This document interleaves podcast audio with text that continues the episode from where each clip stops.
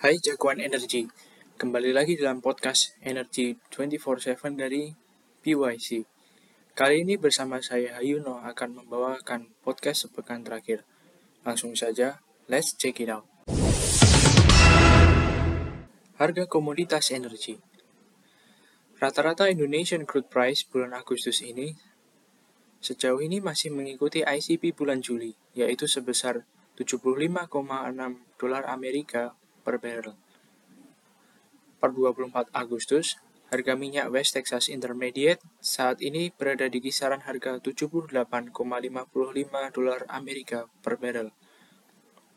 Sementara harga minyak Brent saat ini berada di kisaran harga 83,25 dolar Amerika per barrel. Harga batu bara acuan bulan Agustus 2023 sebesar 179,9 dolar Amerika per ton. Kemudian, Newcastle Coal Price per 24 Agustus 2023 tercatat sekitar 136 dolar Amerika per ton. Minyak dan gas bumi Pipa Cisem 1 harus bermanfaat untuk industri dan masyarakat, Direktoral Jenderal Minyak dan Gas Bumi, Kementerian ESDM, mengumumkan bahwa proyek pembangunan pipa transmisi gas bumi Cirebon Semarang atau CISEM tahap 1 yang mencakup ruas Semarang Batang telah selesai dan saat ini dinyatakan ready for gas in. Dengan demikian, pipa CISEM 1 diharapkan dapat beroperasi untuk memenuhi kebutuhan industri dan kepentingan masyarakat melalui jaringan gas kota. Selanjutnya, pipa akan diteruskan dan terhubung ke Cirebon. Diharapkan bahwa pembangunan ini akan membuat gas bumi, yang sebagian besar berasal dari lapangan gas di Jawa Timur, lebih mudah diakses ke wilayah Jawa Tengah. Batu bara dan mineral Satgas KLHK cek industri batu bara di Jakarta Utara diduga sebagai penyumbang polusi udara. Tim khusus dari KLHK RI sedang memeriksa industri yang diduga menjadi penyumbang utama polusi udara di Jabodetabek.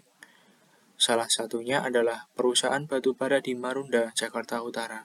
Tim tersebut berencana untuk menginstal alat ukur indikator guna memantau kualitas udara di sekitar area tersebut. Ketua Satgas Pengendalian Pencemaran Udara KLHK, Dewi mengatakan, selain pemasangan alat indikator, pihaknya akan memeriksa beberapa surat izin yang ada. Jika tidak memenuhi aturan, pihaknya akan beri sanksi.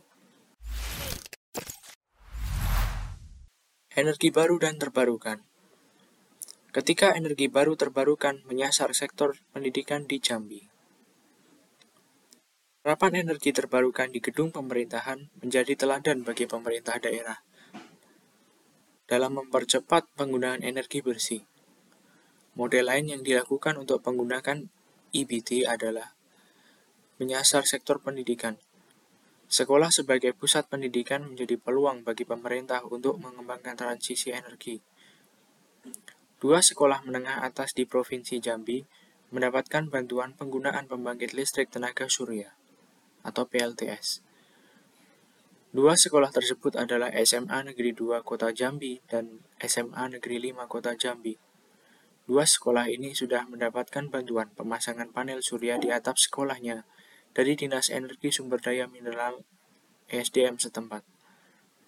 Pemasangan panel surya di sekolah-sekolah tidak hanya berkontribusi dalam pengurangan biaya listrik, tetapi juga menghubungkan generasi muda dan kesadaran lingkungan.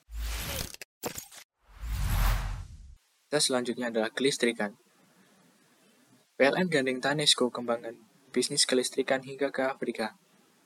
PT PLN Persero menjajaki kerjasama dengan badan usaha milik negara asal Afrika, Tanzania Electricity Supply, Co. Limited atau TANESCO. Dalam kunjungan ke Afrika pada tanggal 20 sampai 24 Agustus 2023, PLN akan bekerja sama dengan perusahaan listrik yang juga untuk mengembangkan bisnis kelistrikan yang reliable dan sustainable.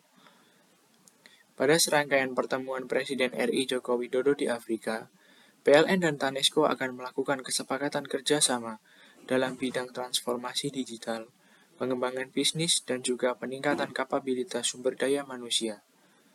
Selain mengembangkan bisnis, pertemuan ini sekaligus memperkuat hubungan bilateral antara Indonesia dan Tanzania. Sekian podcast Energy 24/7 minggu ini. Jangan lupa untuk follow sosial media kami di Instagram, Facebook, LinkedIn, YouTube. Come. See you on the next week.